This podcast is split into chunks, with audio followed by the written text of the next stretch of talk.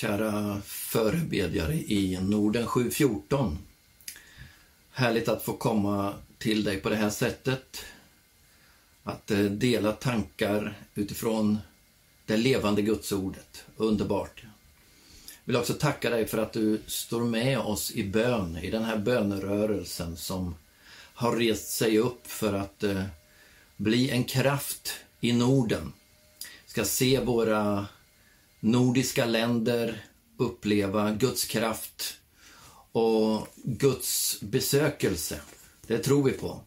Och Det är underbart att vi får stå tillsammans och så får vi be eh, och vi ber att Guds vilja ska ske. Vi ber att Guds rike ska få verkligen ta form och manifestera sig. Och vi har ju de här fyra Eh, bönämnena som ligger till grund då för bönerörelsen. En djupgående böneväckelse med minst 10 000 bedjare.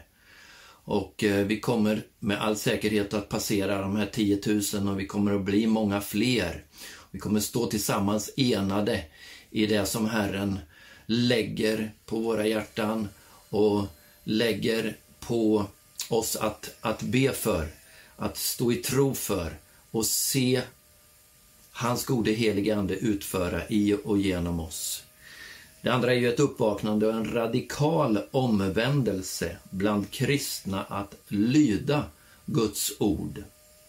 Jag ska komma in eh, på det här i dagens budskap när det gäller omvändelsen. Omvändelsen som en väg till seger i svåra tider. Vi återkommer till det.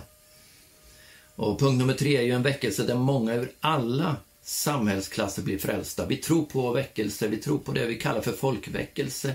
Vi tror att vi ska få se en besökelsetid från himlen över våra nordiska länder. Underbart. Och den fjärde punkten är ju en konservativ regering som står upp för familjen, fosterlandet och Israel. Vi behöver regeringar i våra länder som välsignar Israel, som eh, står i, i, eh, i eh, förbund och gemenskap med Israel. Eh, därför det betyder så oerhört mm, mycket för våra egna nationer om vi kan få regeringar i våra länder som supportar, stöttar och välsignar Israel. Så detta ber vi utifrån i Norden 714 och, och, och det är underbart att eh, du är delaktig, underbart att få komma till dig på det här sättet. Och eh, vi vet att det är mycket prat nu i, i, i den här tiden om att det är coronatider och allt vad man nu talar om. Men jag skulle vilja säga så här att det är verkligen Jesus-tider. Det är Jeshua-tider. Eh, och eh, vi vet att eh, han som har det namn som är över varje annat namn. Han är vår Herre, han är vår kung och det är honom vi tjänar. Och det är underbart att få göra det. Men eh, låt oss nu gå in i, eh, i Guds ord här. Och ehm, eh, jag ska dela ett budskap med dig som jag sa här om, eh, om omvändelse och eh, kanske på ett lite annorlunda sätt, men vi ska, vi ska gå in i, i ordet och vi ska börja med två, eh, två bibelversar. Eh, och om du har bibeln där framför dig, vilket jag hoppas du har, eller du kanske lyssnar på ett sätt så du inte har möjlighet just nu, men då uppmanar jag dig att ta tag i din bibel när du får tillfälle och kan sitta ner och, och eh, därför att det är ju i ordet vi hämtar. Ordet är ju källan. Och jag vill eh, läsa här ifrån inledningsvis då från Andra Timoteusbrevet. Vi kommer att syssla en hel del med Andra Timoteusbrev, i huvudsak Andra Timoteusbrevet här faktiskt, i det här budskapet. Och det står det så här i tredje kapitlets första vers. Det ska du veta att i de sista dagarna ska det komma svåra tider. Och i den femte versen står det så här och ha ett sken av Guds fruktan men förneka dess kraft. Vi, eh, vi kommer att återkomma till, till de här verserna lite längre fram, men jag vill säga så här som en, som en grund bara till det här då att eh, Andra Timoteusbrevet skulle man kunna eh, tala om som Paulus andliga testamente då till till sin medarbetare Timoteus. Timoteus som kallas då Paulus äkta barn i tron. Det är så Paulus uttrycker det där i, i det första brevet till Timoteus. Eh, och i det andra eh, brevet här så, så säger han ju att eh, Timoteus är hans älskade barn i tron. Det står ju så här i första kapitlets andra vers. Så de hade alltså en mycket nära relation. Eh, Timoteus blev ju bunden under Paulus första missionsresa och blev sedan en medarbetare till eh, Paulus. Betydde väldigt mycket för Paulus. Och i det här sista av Paulus brev, som också är då det här personliga brevet, det här pastoralbrevet till Timoteus, så, så lämnar Paulus liksom ett andligt testamente. Han, han, eh, och det måste vi förstå att när det är det sista som Paulus här uttrycker och vill säga då till sin medarbetare, sin nära medarbetare, som ska ta nu stafettpinnen billigt talat och, och liksom eh, bara fortsätta att dra vidare. För Paulus han upplever och han vet att eh, han har inte lång tid kvar. Men nu vill han överlämna då det här, det här brevet, det här dokumentet till, till eh, Timoteus, sin medarbetare. Så är det väldigt viktiga ord naturligtvis som han, han talar här. Väldigt viktiga ord som han förmedlar. Och det är väldigt viktigt för oss att ta del av de här orden i den tid vi lever i och det betyder så mycket att höra vad Paulus har att säga här. Och eh, eh, man kan säga så här att Paulus andliga testamente då till Timoteus, det här sista brevet, i det så uppmanar och förmanar han. Paulus uppmanar.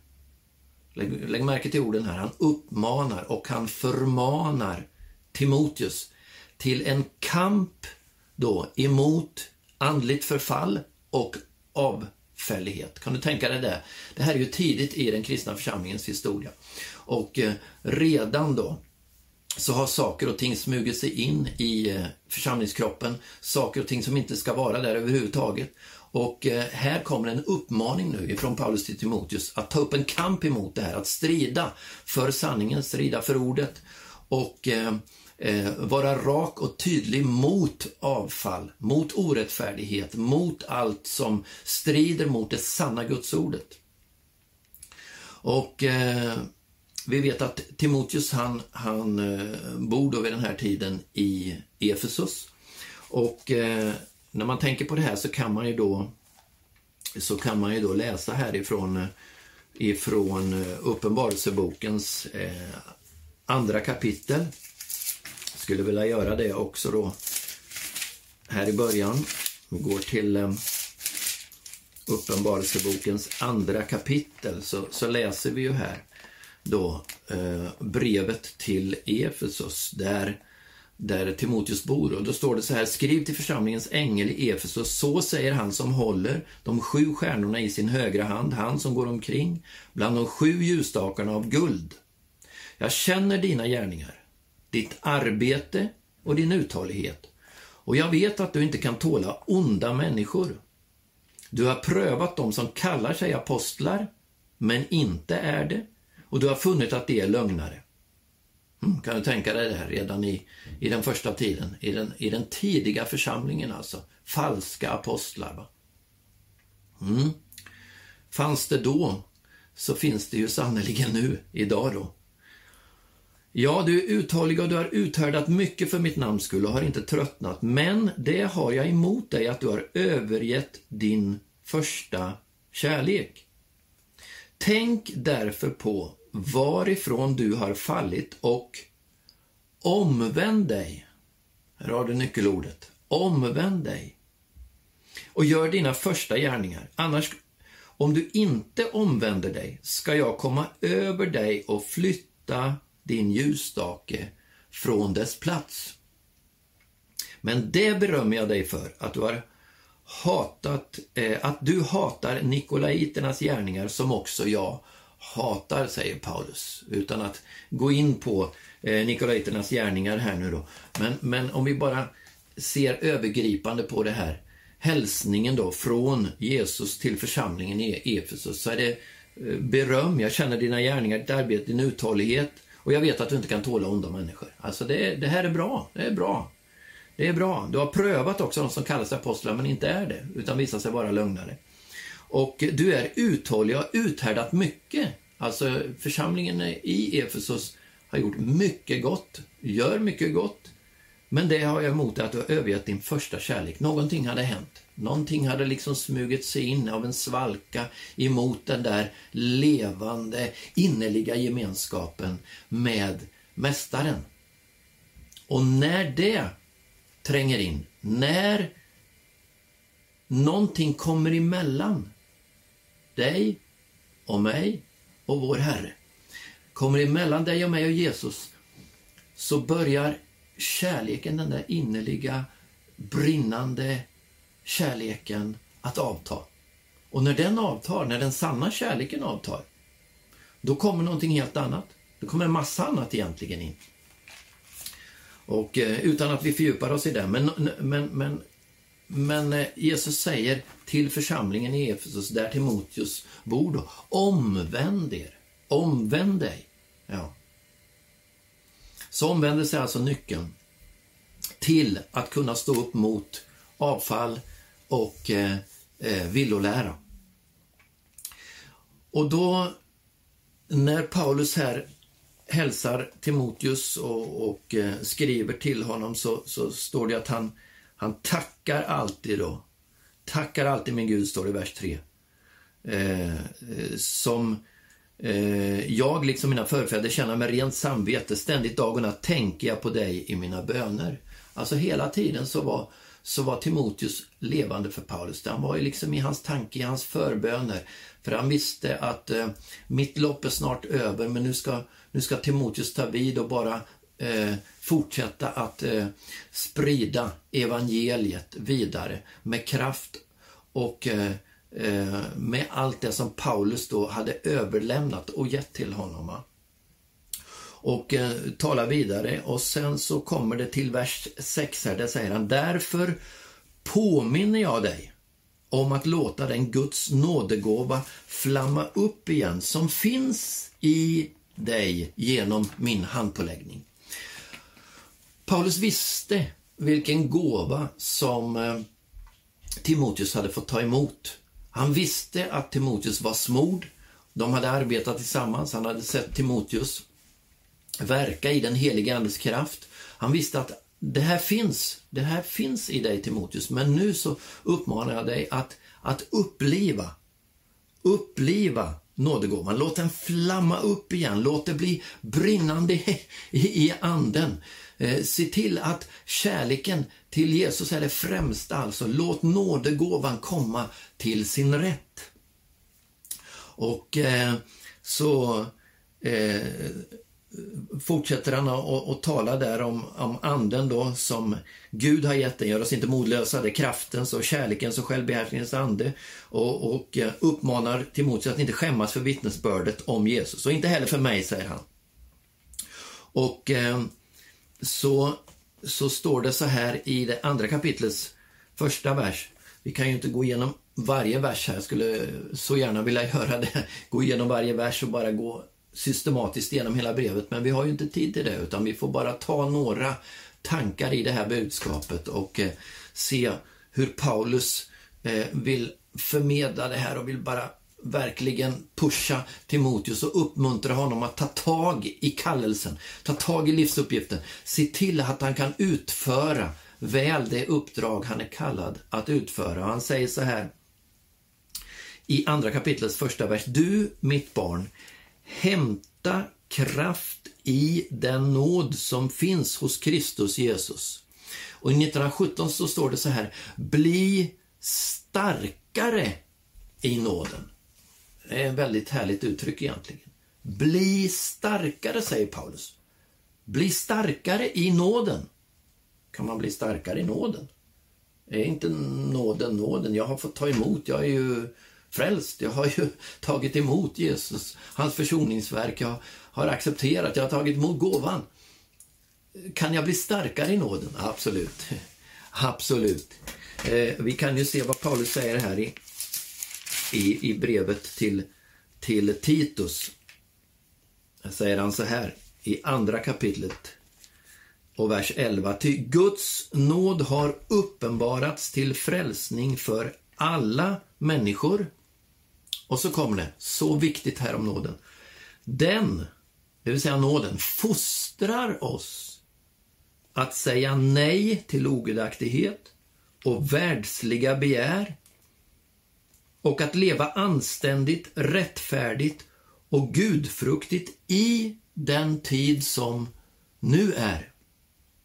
Medan vi väntar på det saliga hoppet att vår store Gud och frälsare Jesus Kristus ska träda fram i härlighet. Alltså nåden fostrar oss, nåden gör någonting med oss. Nåden är inte bara Guds gåva, att Jesus har gett sitt liv för oss, att han, att han dog en gång och att han utropade på korset, vilket han gjorde, det är fullbordat. Men nåden fortsätter att verka efter att vi har tagit emot gåvan och sagt vårt ja till Jesus och sagt välkommen, bli Herre i mitt liv. Och just det att säga bli Herre i mitt liv, det innebär någonting. Det innebär en förpliktelse från vår sida att tillåta honom att bli den Herre han vill vara.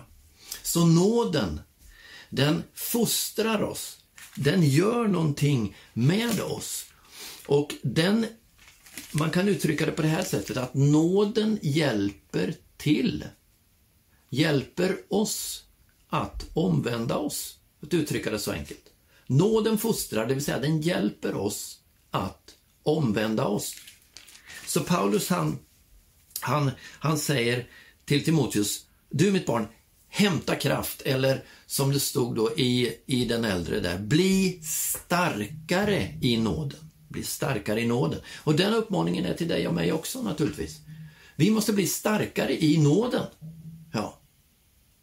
Och det är ju precis eh, Eh, liksom tvärt emot när man undervisar att ja, men Guds nåd, Guds nåd är utgjuten eh, och det är färdigt. Jesus utropade fullbordat. Allt är klart. Du kan, eh, du kan leva i stort sett som du vill och, och liksom blodet täcker allt och Gud ordnar det här och du behöver liksom inte anstränga dig här.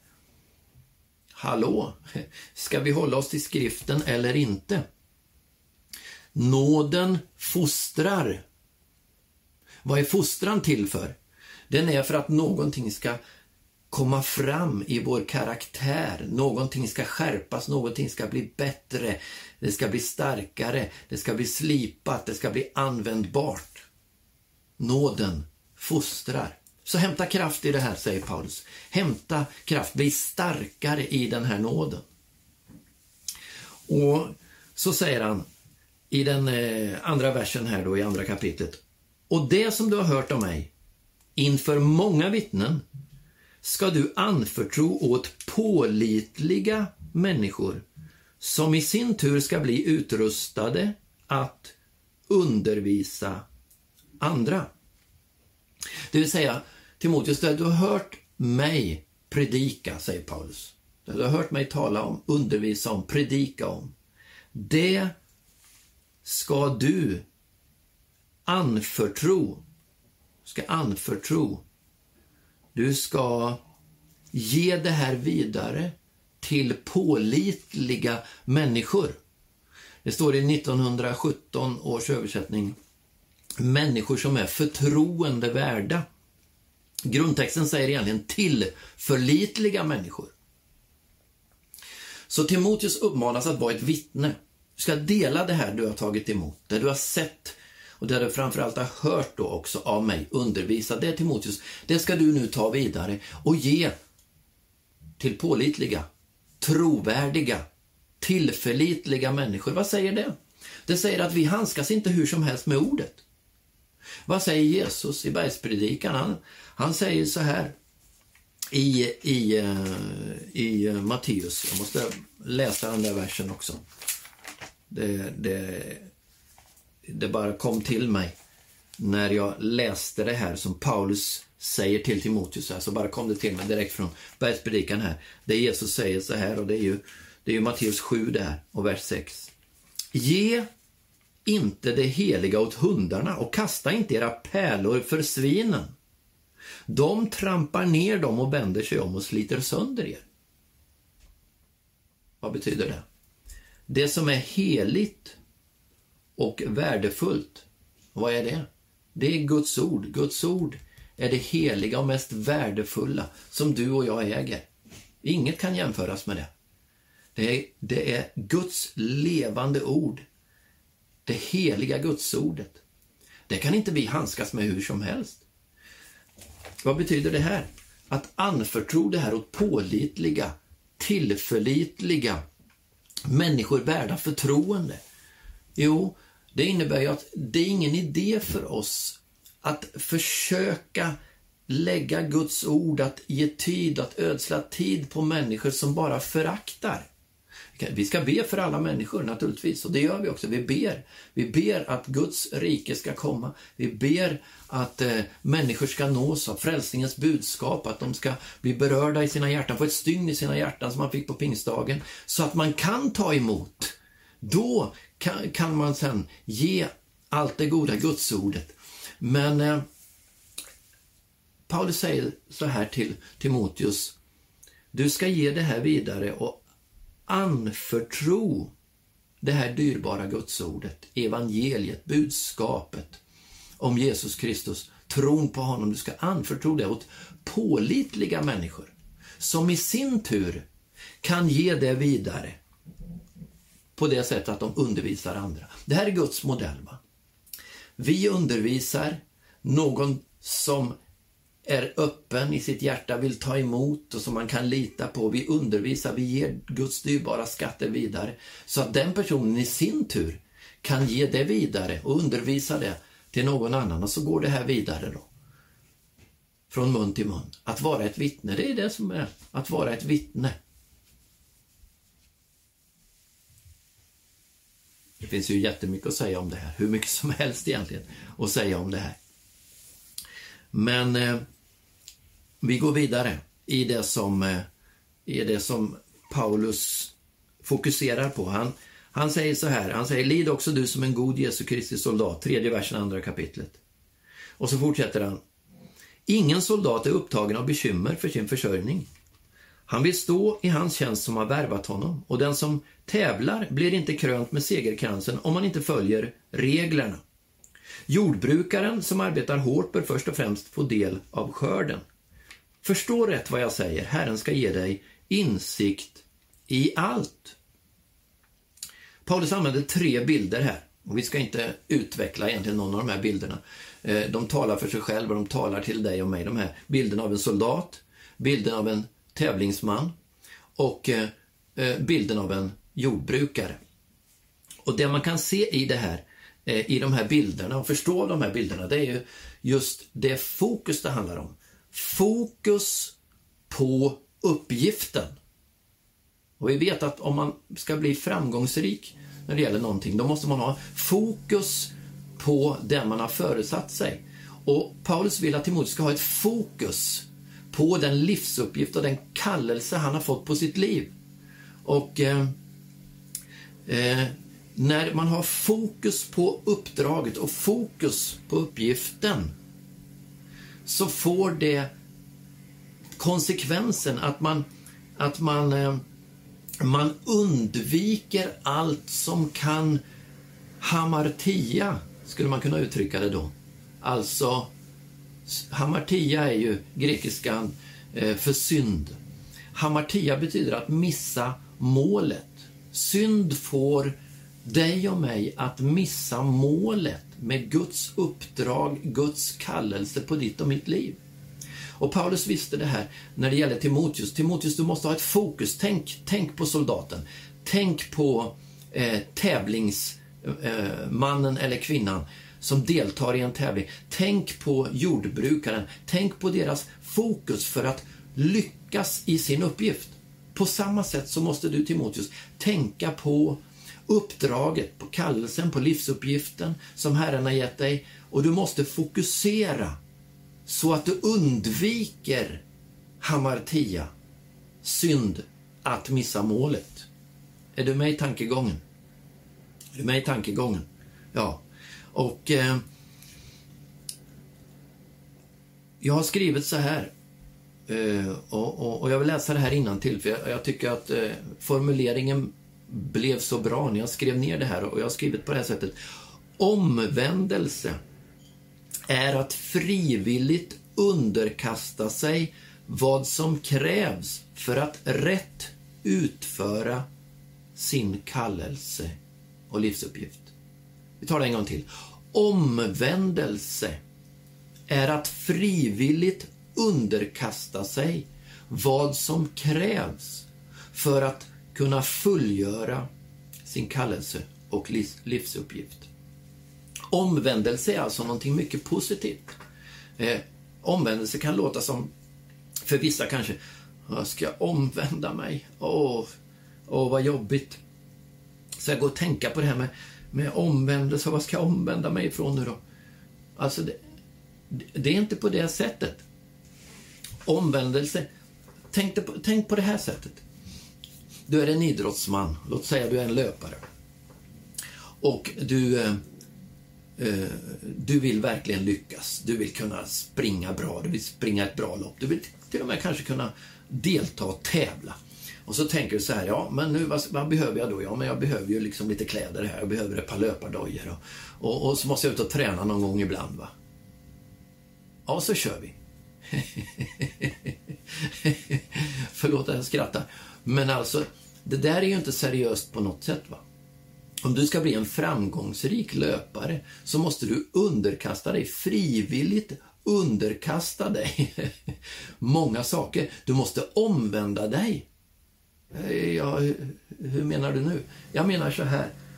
När kroppen säger till dig så här, ja men nu vill jag bara sjunka ner här i tv-soffan och bara se något trevligt så här. Och, eh, ja, vad det nu är.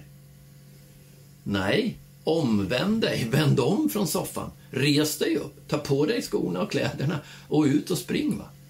Är du med? Du måste underkasta dig.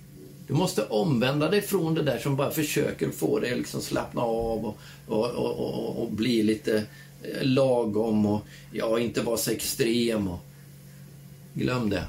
Vill du bli framgångsrik måste du frivilligt underkasta dig disciplin. Eh, det står så här i, i, eh, i den femtonde versen så säger Paulus så här, gör allt du kan för att bestå provet inför Gud. Likt en arbetare som inte behöver skämmas utan rätt delar sanningens ord. Gör allt du kan. Om du ska bli framgångsrik så måste du göra allt du kan. Om Guds kallelse ska fullbordas på mitt och ditt liv så måste vi göra allt vi kan. Vi kan inte bara tänka sig, ja men om Gud har en plan med mitt liv, ja men då får han ju liksom se till att det händer. Jesus utropade det är fullbordat. Från hans sida har det redan hänt. Men nu är det upp till dig och mig att ta tag i det som han ber oss om att göra. Det är därför som du och jag är en, en bedjare i den här bönerörelsen. Vi ber. Och vad händer när vi ber? Får vi Gud att tänka helt annorlunda? Absolut inte. Gud är färdig med det han har tänkt. Men det som sker är att du och jag, vi börjar tänka Kristi tankar. Vi börjar tänka på det som är hans vilja, det som är uppdraget som han har gett oss. Det han vill utföra genom oss. Det är det som händer. När vi ber så börjar vi förändras. Prioriteringar förändras. Vi börjar omvända oss. Vi börjar säga nej till sånt som får oss att tappa fokus och säga ja till det som drar oss närmare Herren så att vi hör honom, vi hör hans röst. Och vi kan då dela evangeliet vidare. Halleluja. Vad underbart. När vi nu talar om det här med, med att springa så, så, jag, jag, så jag bara känner så här, jag måste nämna ett namn för dig. Och när du hör det här namnet så du kanske inte har en aning om vem den här person, personen är. Han heter Eliud Kipchoge. Ja, du ser kanske inte var någonting som, som, som fick dig att, reflektera på något speciellt sätt över det här. Den här mannen, Eliud Kipchoge, en eh, ödmjuk, liten bonde kan man säga, från Kenya. Han har gjort någonting som, som vetenskapen och forskningen inte trodde skulle vara möjligt för en ja, någonstans omkring 2075 kanske man skulle kunna prestera på det här sättet.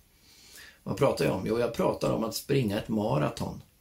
42,2 kilometer. Under två timmar. Kanske inte säger dig någonting, du kanske aldrig har sprungit ett maraton. Kanske aldrig har sprungit eh, en mil, ens en kilometer. Men för, för, dig, för dig som vet lite grann om löpning så är det här någonting fullständigt, det, det, det är i princip ofattbart. Men det är möjligt därför att Eliud bestämde sig. Och han säger så här, om du lyssnar till honom när han talar så säger han så här, han säger någonting väldigt bra. Han säger att den människa som är odisciplinerad är inte en fri människa. Jag tar det en gång till. Den människan som är odisciplinerad är inte en fri människa. Nej, säger han. Den, den personen är slav under sina känslor, under en massa olika saker. Disciplin, han talar om självdisciplin, han talar om en massa saker för att nå det här målet. Och det bara för att kunna göra det här som, ja, till vilken nytta egentligen? Ja, det är klart att bli den första människan i världen att springa ett maraton under två timmar. Men du och jag har ett mycket viktigare uppdrag. Vi har det mest betydelsefulla och viktiga uppdrag som en människa kan ha. Nämligen att ta Guds levande ord och föra det vidare så att människors liv kan förvandlas. Då kan inte vi ta lätt på det. Vi måste ta seriöst på det här. Och därför trycker Paulus på det här när han talar till Timoteus. Han säger, gör allt du kan för att bestå provet. Ja. Han säger inte, ja, om du känner för det här Timoteus, du vet ju vad jag, vad jag har sagt och vad jag har undervisat och vad jag har gjort. Om du känner för det så kan du väl liksom någon gång kan du ta tag i det där och, och, och tänka på mig lite som en förebild. Nej. Inte alls.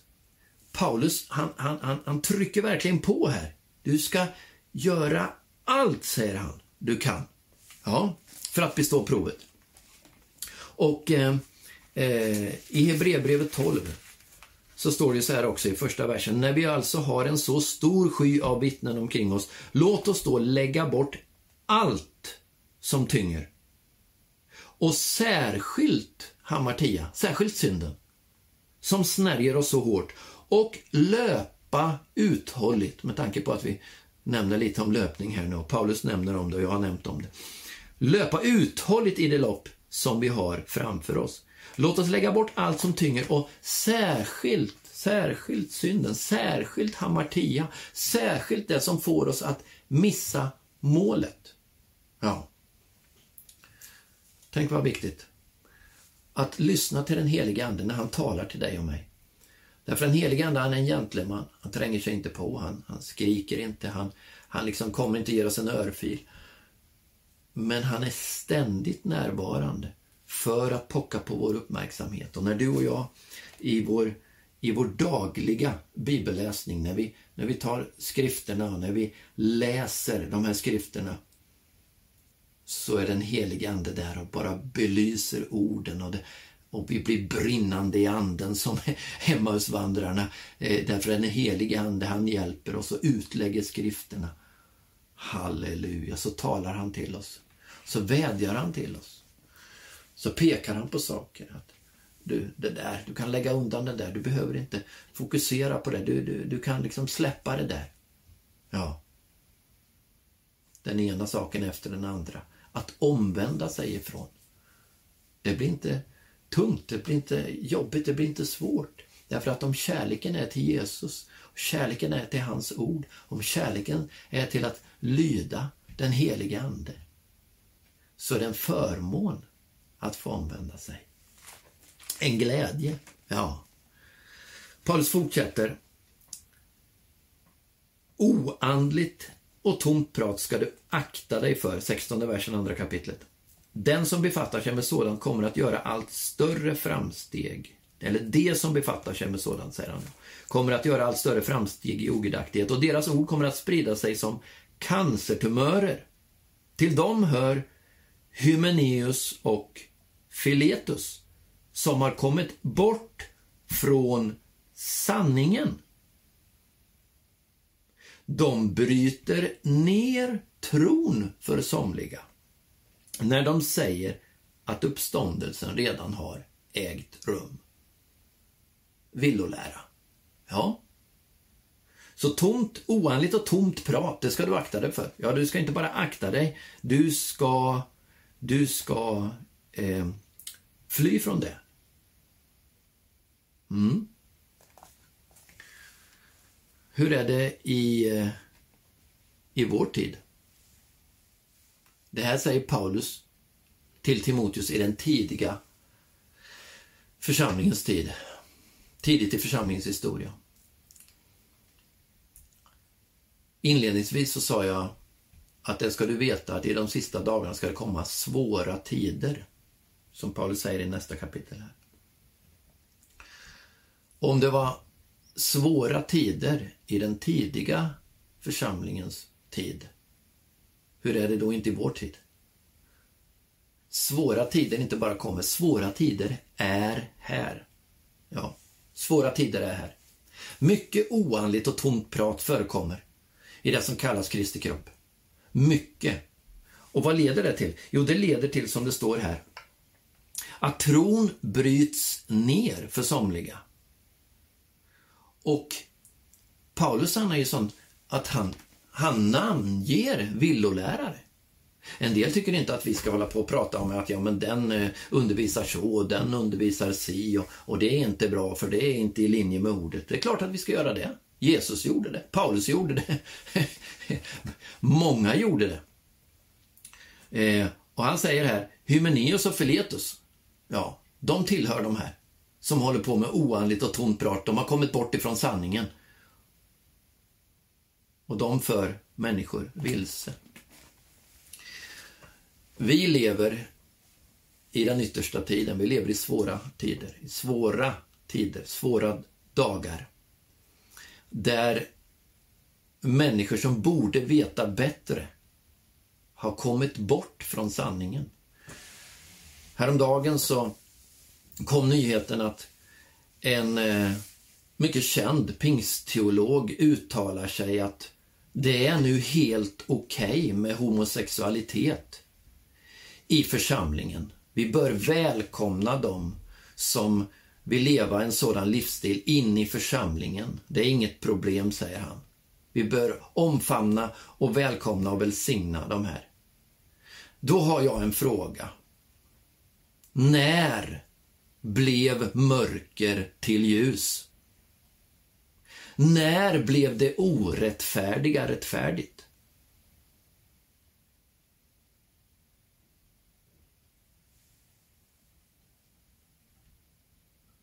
Alltså man blir utan ord nästan när man bara hör sådana här saker. Det här är ren och skär villolära som för människor bort från sanningen. Jag namnger inte den här teologen, jag tycker han borde byta titel. Han, eh, ingen teolog, han, han utlägger inte skriften, han har ingen aning om vad skriften säger. Fullständigt vilse.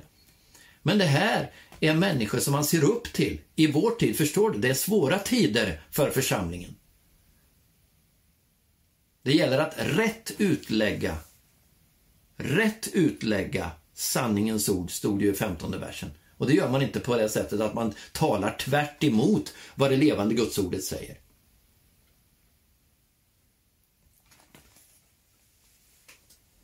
Kommit bort från sanningen. Vers 19. Guds fasta grund består och har detta sigill. Herren känner de sina var och en som nämner Herrens namn ska hålla sig borta från orättfärdigheten. Vilken uppmaning. Ja. Och så säger han så här, men i ett stort hus finns det kärl, inte bara av guld och silver, utan också kärl av trä och lera, några till heder, andra till vanheder. Den som därför renar sig och håller sig borta från dessa blir ett kärl till heder, helgat, användbart för sin Herre och förberett för allt gott arbete. Halleluja, halleluja. Du och jag, vi vill vara ett kärl till heder. Vi vill vara brukbara för Herren. Vi vill att han ska kunna fylla dig och mig med sin, med sin kraft, med sin härlighet, så att eh, vi kan ge det vidare till andra människor. Men då måste vi vara ett kärl till heder. Då måste vi vända oss bort. Vi måste hålla oss borta från dessa, säger Paulus. Hålla oss borta från dessa som är till vanheder. Dessa som, som vandrar i orättfärdigheten. Vi måste hålla oss borta. Den som är renad och helgad, avskild och omvänd blir användbar. Så har jag skrivit här. Renad och helgad, avskild och omvänd blir användbar, blir ett kärl till heder som kan användas för allt gott arbete i den här yttersta tiden. Som vi tror kommer att innebära folkväckelse, att vi ska få se många människor, tusentals människor vända om. Men de kan inte vända om om de möts av ett budskap. Du kan leva som du kan leva som du känner för.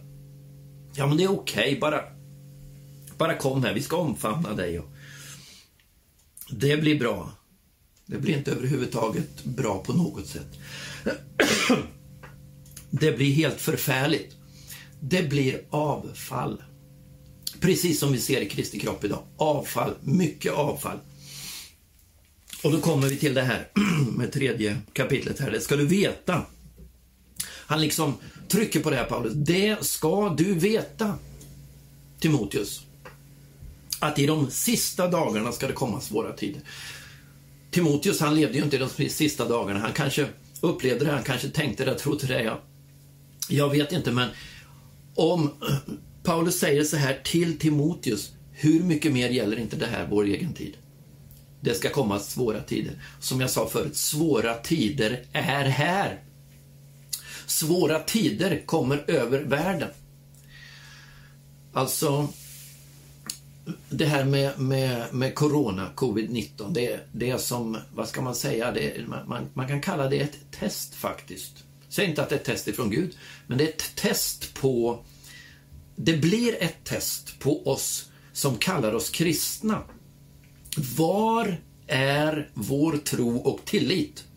Alltså det talas om massa, jag, jag hör ju människor tala om, åh, du ska inte frukta och vi tror på Gud och massa saker.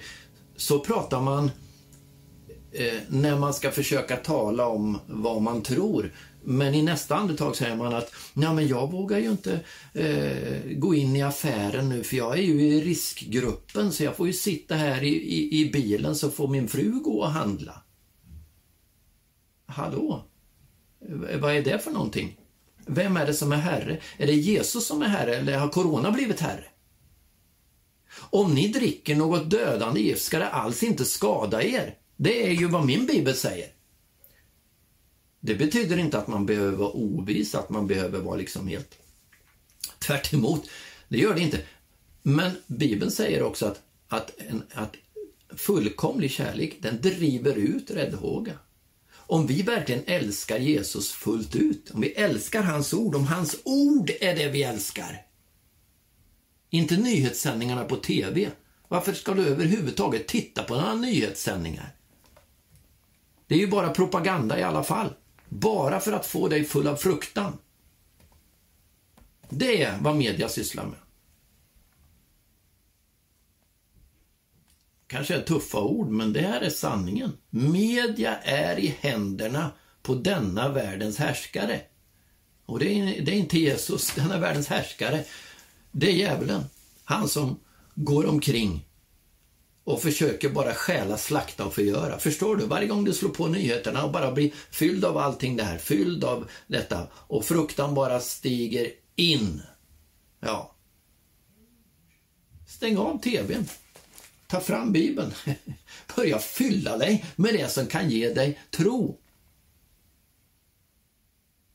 Ska jag finna tro på jorden när jag kommer, säger Jesus.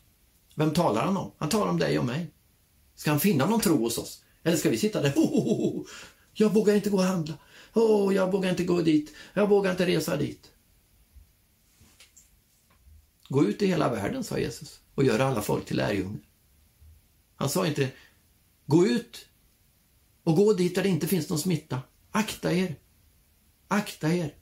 Nej, han sa gå ut i hela världen och gör alla folk till lärjungar. Okej. Okay. och det står ju här. Sen räknas det upp då, människorna kommer. Fortsätter i tredje kapitlet där. När vi går mot avslutningen här nu, alldeles strax. Människorna kommer att älska sig själva, vara penningkära, skrytsamma, stolta, hånfulla, olydiga mot sina föräldrar, otacksamma, gudlösa, kärlekslösa, oförsonliga, skvalleraktiga, obehärskade, råa, fientliga mot det goda, falska, egensinniga och högmodiga. De ska älska njutning istället för Gud. Och så kommer femte versen, som vi läste inledningsvis. Och ha ett sken av gudsfruktan. Men förneka dess kraft. Håll dig borta från dem. Vad är det här för människor som Paulus talar om?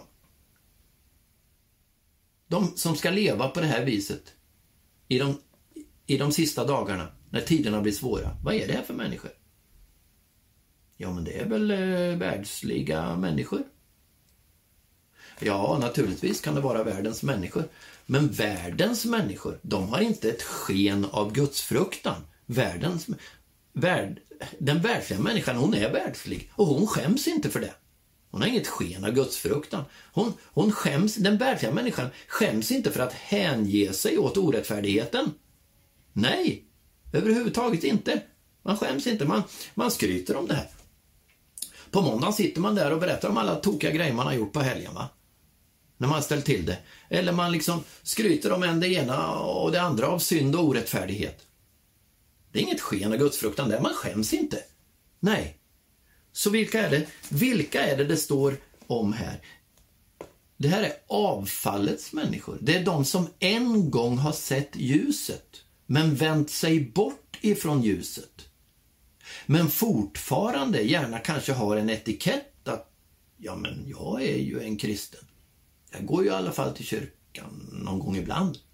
Och jag har ju en bibel där hemma. Kanske var länge sedan jag läste den, men ha ett sken av gudsfruktan. De ska ha ett sken av gudsfruktan, men förneka dess kraft. Ett sken av gudsfruktan, det tycker jag är när man säger ja men vi behöver inte frukta och det, vi tror på Gud och allting. När man säger det i ena andetaget och nästa andetag säger ja, men jag vågar inte gå hit eller dit eller göra det. Hallå? Vem är det som är Herre? Vem är det som är Herre? kanske låter lite tufft det här. Men, men alltså, här gäller det att tänka till. Det gäller att tänka till.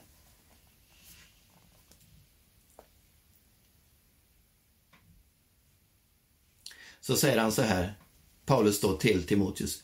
Men du har följt mig, säger han vers 10. Du har följt mig. Han räknar upp, fortsätter att räkna upp där från sjätte versen och framåt vad, vad de här människorna de som har ett sken av gudsfruktan men inte vill veta av dess kraft, vad de ställer till med.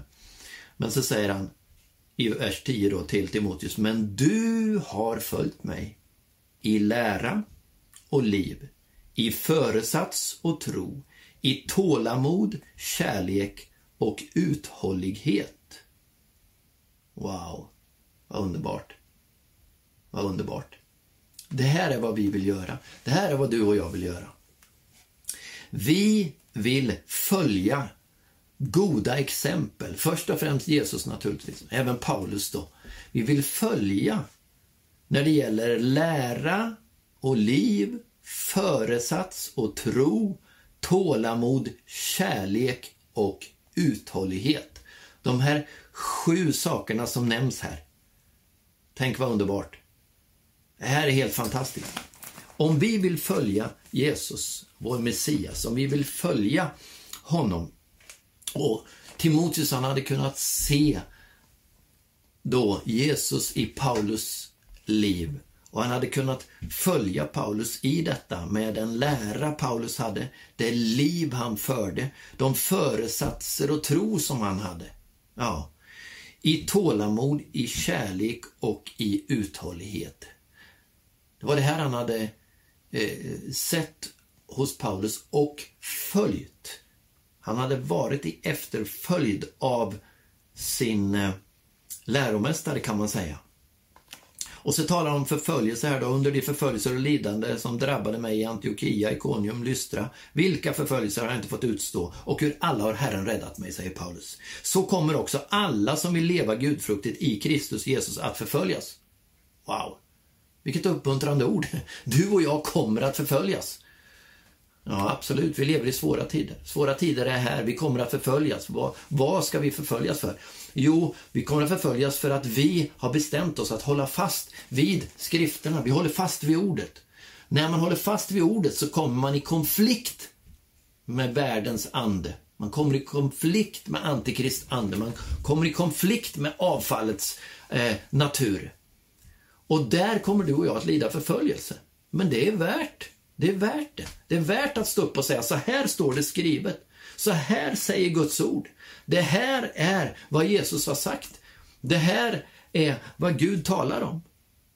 Och, och det kommer att innebära konflikt, konfrontation och kamp.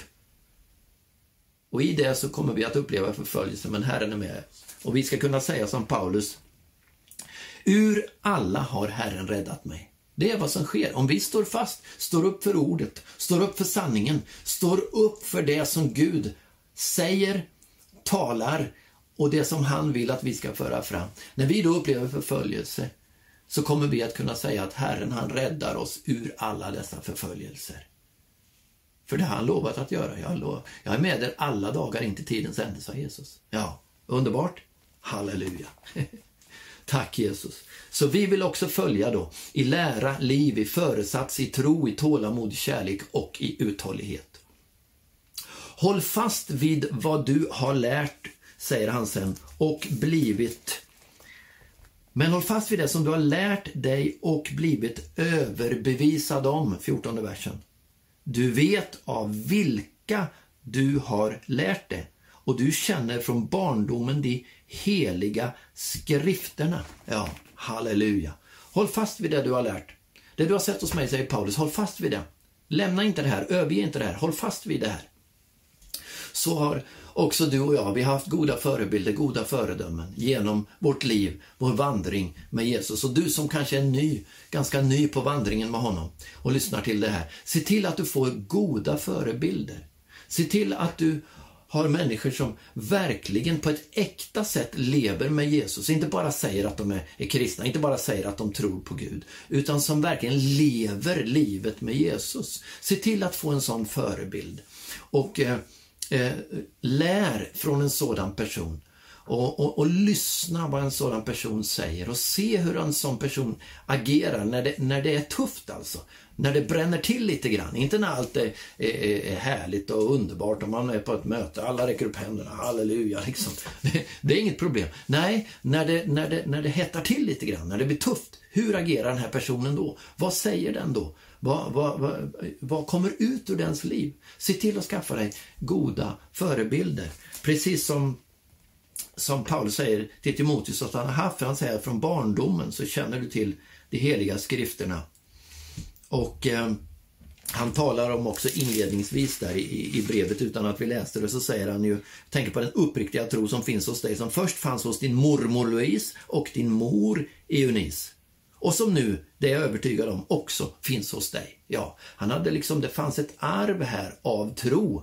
Nu ärver man inte tron, den måste ju bli personlig, man måste ta emot Jesus och låta tron börja växa. Men det fanns ett arv i Timoteus släkte så att han redan tidigt hade fått höra om tron, den levande tro, tron och se också exempel på den levande tron innan han mötte Paulus då. Tron på Jesus.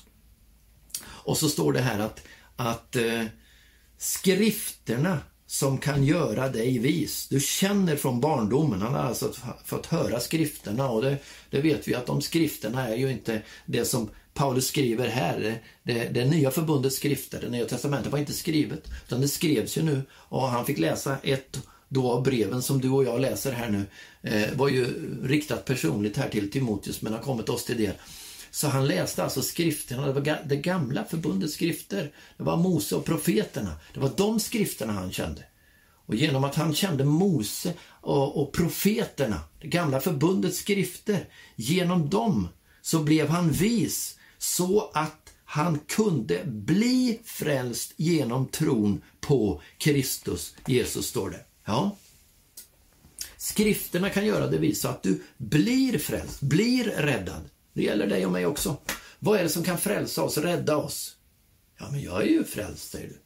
Ja, jag, jag tog ju emot Jesus när det nu var någon gång. Ja, ja, det kan jag också säga. Jag kan tala om för dig när jag tog emot Jesus. Men att bli frälst är ju ett pågående verk. Inte på grund av att vi med våra gärningar, ingen gärningslära, inte vi med våra gärningar ska uppnå på något sätt poäng här och, och, och, och sen bli godkända. Nej, nej, nej. Men att nåden som fostrar oss, som jag talat om, ska bli, ska bli alltså verksam i våra liv. Det måste vi tillåta, som jag sa, så att vi verkligen blir frälsta fullt ut. Ja, och eh, det står i den, i den 17 versen, om man läser det också. Hela skriften, vers 16, är utan av Gud och nyttig till undervisning, till bestraffning, till upprättelse, till fostran i rättfärdighet. För att, så talas det om dig och mig här, Gudsmänniskan ska bli fullt färdig, rustad för varje god gärning.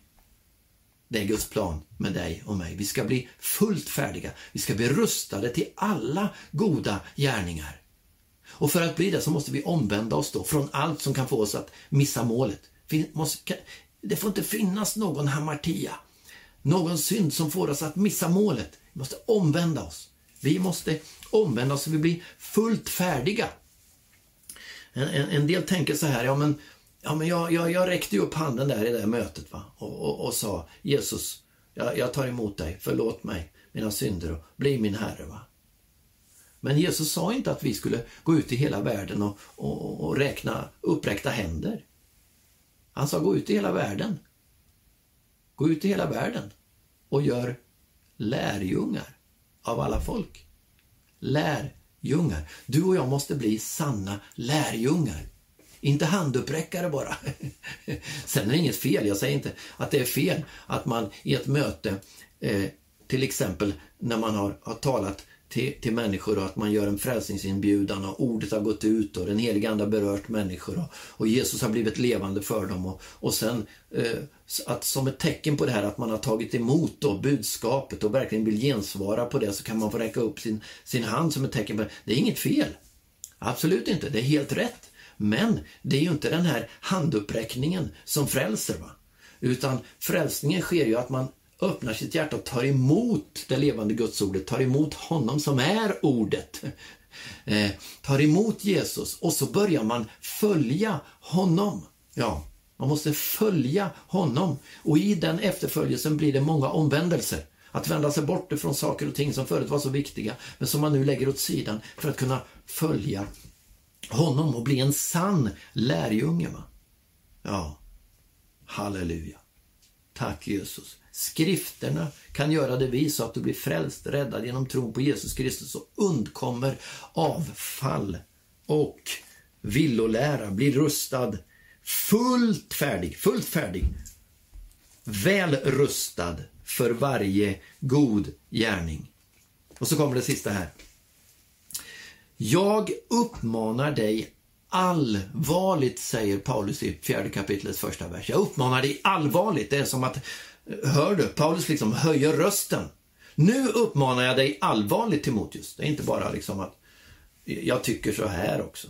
Det här tycker jag du bör tänka på. Nej, det är som att Paulus liksom skärper tonen här och höjer rösten riktigt. Jag uppmanar dig allvarligt vid Gud, säger han och Kristus Jesus som ska döma levande och döda och inför hans uppenbarelse. I vilken vers? Känner du? Det är tyngd i den där versen. Det är ett allvar här. Va? Det är inte bara liksom, jag tycker du bör tänka på det här. Nej, här, här, här poängterar Paulus verkligen för Timoteus. Det här är viktigt för dig Timoteus att tänka på. Lyssna nu. Och så kommer den andra versen. Predika ordet. Träd fram i tid och otid. Bestraffa, tillrättavisa och förmana med allt tålamod och all undervisning. Varför det då? Jo, det ska komma en tid då människorna inte längre ska stå ut med den sunda läran utan efter sina egna begär ska de samla åt sig mängder av lärare allt eftersom det kliar dem i öronen. De vägrar att lyssna till sanningen och vänder sig till myter. Hm. Det är verkligen en beteckning på vår tid, de här verserna alltså. Men var du sund och förnuftig i allt och bär ditt lidande och utför en evangelists gärning och fullgör din tjänst. Det här är det sista då innan den, den, den personliga delen kommer här. Paulus talar om att han, han närmar sig då sitt uppbrott och så vidare. Men det här är det sista. Jag uppmanar dig allvarligt Timoteus. Den uppmaningen är naturligtvis lika allvarlig till dig och mig idag. Allvarligt är vi uppmanade inför Gud. Ja, och inför Kristus Jesus som ska döma levande och döda inför hans uppenbarelse och hans rike. Vi måste predika ordet. Vi måste sluta predika eh, människotankar, människomeningar, fina utläggningar, eh, en massa liksom eh, huvudkunskap som ska fram bara. Vi måste förkunna ordet. Vi måste predika ordet. Okomplicerat rakt fram, enkelt men kraftfullt i den helige Ande. Och du kanske tänker så här, ja men jag är ingen predikant. Du är ett vittne. Vi är alla kallade att vara vittnen. Du behöver inte uppleva dig vara en predikant eller evangelist eller speciell tjänstegåva. Du är ett vittne. Vi är alla vittne. Och som vittnen delar vi vår tro. Det är att predika ordet. Att predika ordet är när du sitter på din arbetsplats och det kommer upp ett samtal där och, och man börjar tala om olika saker och, och tala om företeelser som är i strid med vad Bibeln säger. Att då predika ordet och göra det i tid och otid, är att säga nej men så där tycker inte jag. Jag tycker inte alls så här. Det där är inte alls okej. Okay. Varför inte det då? Jo, därför att den bibel som jag läser och, och, och, och, lever efter och följer den, den säger så här. Så det här är inte okej. Okay. Det är inte alls okej. Okay. Att våga säga ifrån, det kostar förföljelse, men det är värt det. Därför att genom att du höjer din röst och säger, ja men det här, jag kan inte hålla med om det här. Det här är fel.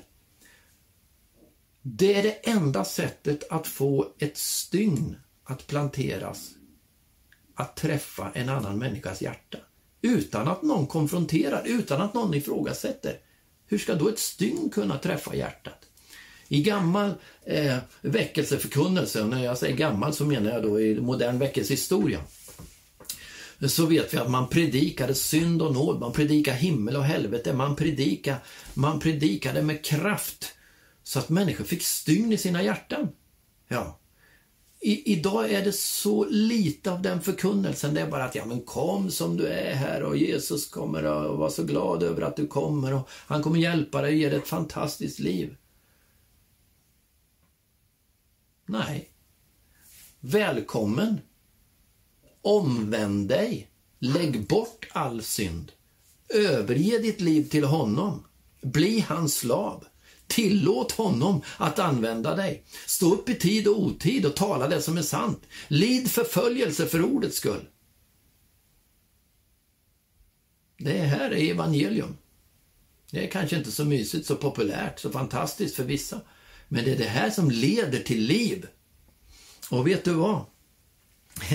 Det står ju här, Paulus säger, som ska döma levande och döda. Ja, vi ska stå inför Kristi domstol. Det kan bli en förfärlig upplevelse, men det kan också bli en fantastisk upplevelse. Och det är du och jag som avgör vilken upplevelse det ska bli. En förfärlig upplevelse eller en fantastisk upplevelse. Om vi väljer att ta det där obekväma, ta förföljelsen, ta lidandet, säga ifrån och stå upp för sanningen. När vi då möter Jesus, vår Messias, en dag, så kommer vi att få höra Väl gjort, Väl gjort, du gode trogne tjänare. Och så kommer vi att få lön då efter våra gärningar. Du vet att vi ska råda och regera tillsammans med honom. Han ska upprätta sitt rike och vi ska råda och regera tillsammans med honom. Du kanske inte tänker så mycket på det här. Du kanske tänker mer på alltså, vad, ja, vad ska vi göra till helgen och eh, hur blir det nu? Oh, det är de här grejerna, de här tiderna nu. Får vi någon semester nästa år och kommer det vara på samma sätt? Då kan jag inte resa någonstans. Och... Ja, ja, ja, ja, ja. Det, det finns långt viktigare saker. Vi ska råda och regera med Kristus i tusen år. Halleluja! Och den uppgift som du och jag ska få där avgörs av hur vi hanterar vår kallelse och vårt, livs, vår, vårt uppdrag i livet nu. Det är därför det är så viktigt att varje dag vara bestämd och säga Heligande, hjälp mig idag. Hjälp mig idag, heligande.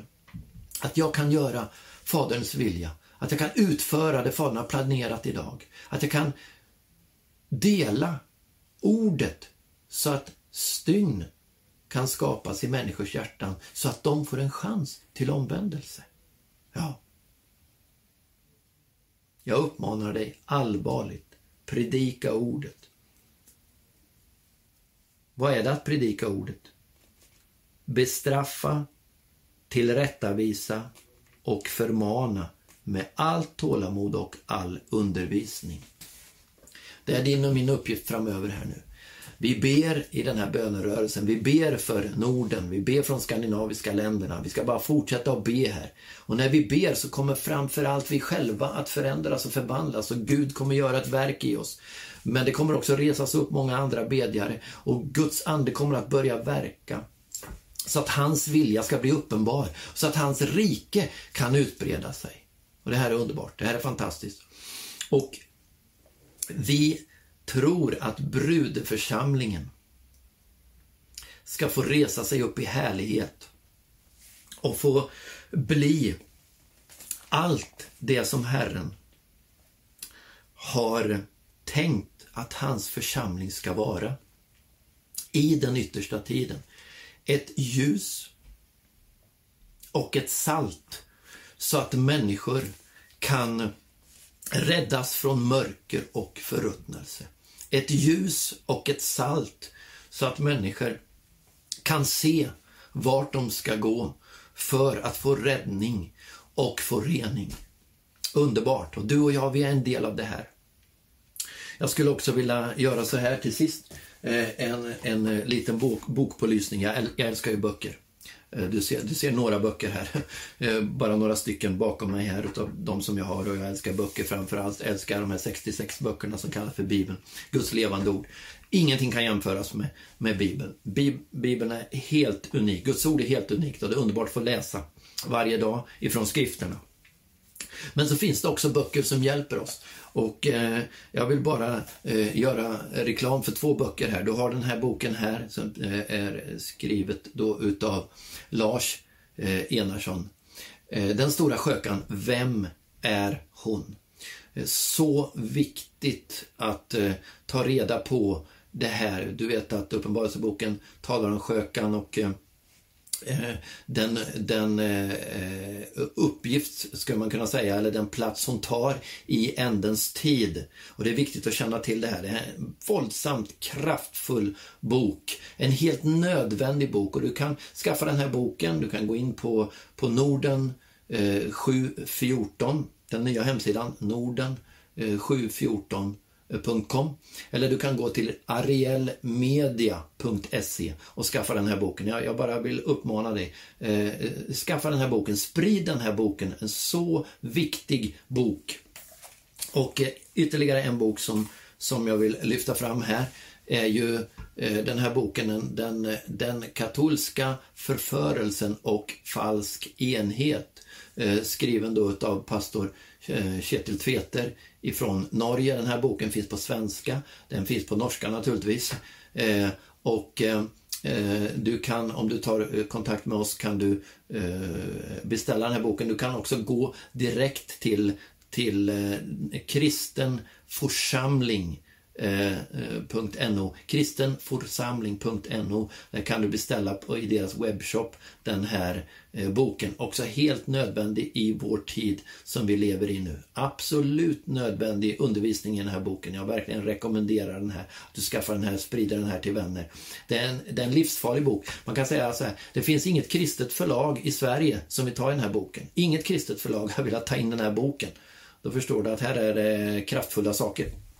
Men eh, den går ändå att få tag i att skaffa.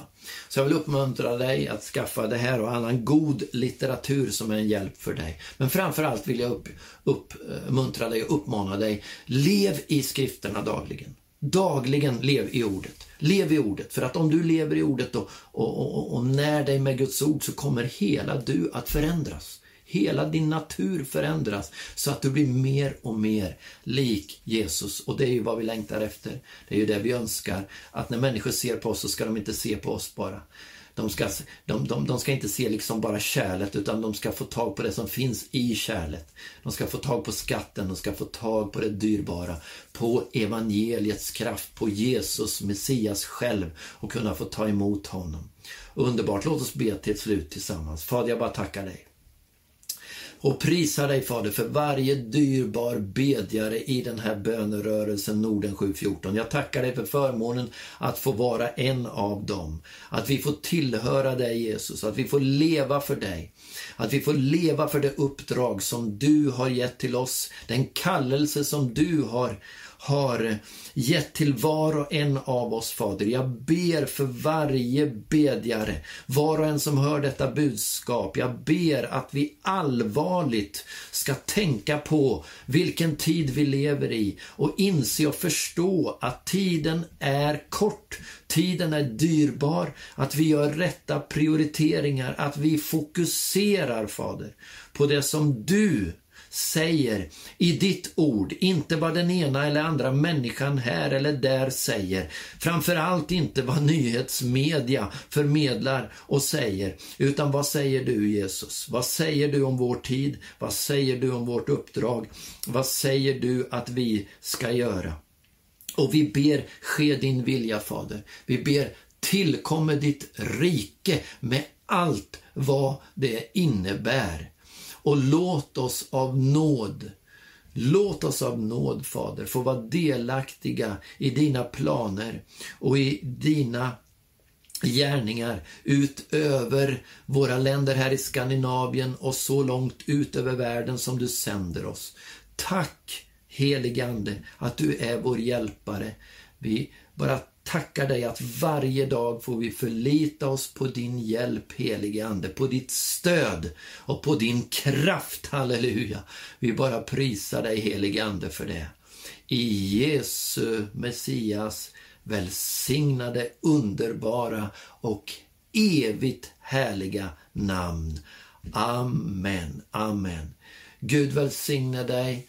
Gud välsigne dig. Gå in på vår hemsida som jag sa. Ta del av det som finns där. Information, eh, undervisning och allt eh, som du behöver. Om du inte ännu har, har registrerat dig och anmält dig som en förebedjare i Norden 714, gå in på hemsidan där, norden714.com och bli en av eh, de många i den här bönearmén, den här gräsrotsrörelsen som bara reser sig upp nu i den här tiden och ska eh, eh och, och du kommer också att bli till stor välsignelse i Herren och hans verk för många människor. Gud välsigne dig. Tack så mycket att du ville ta del av det här budskapet. Amen.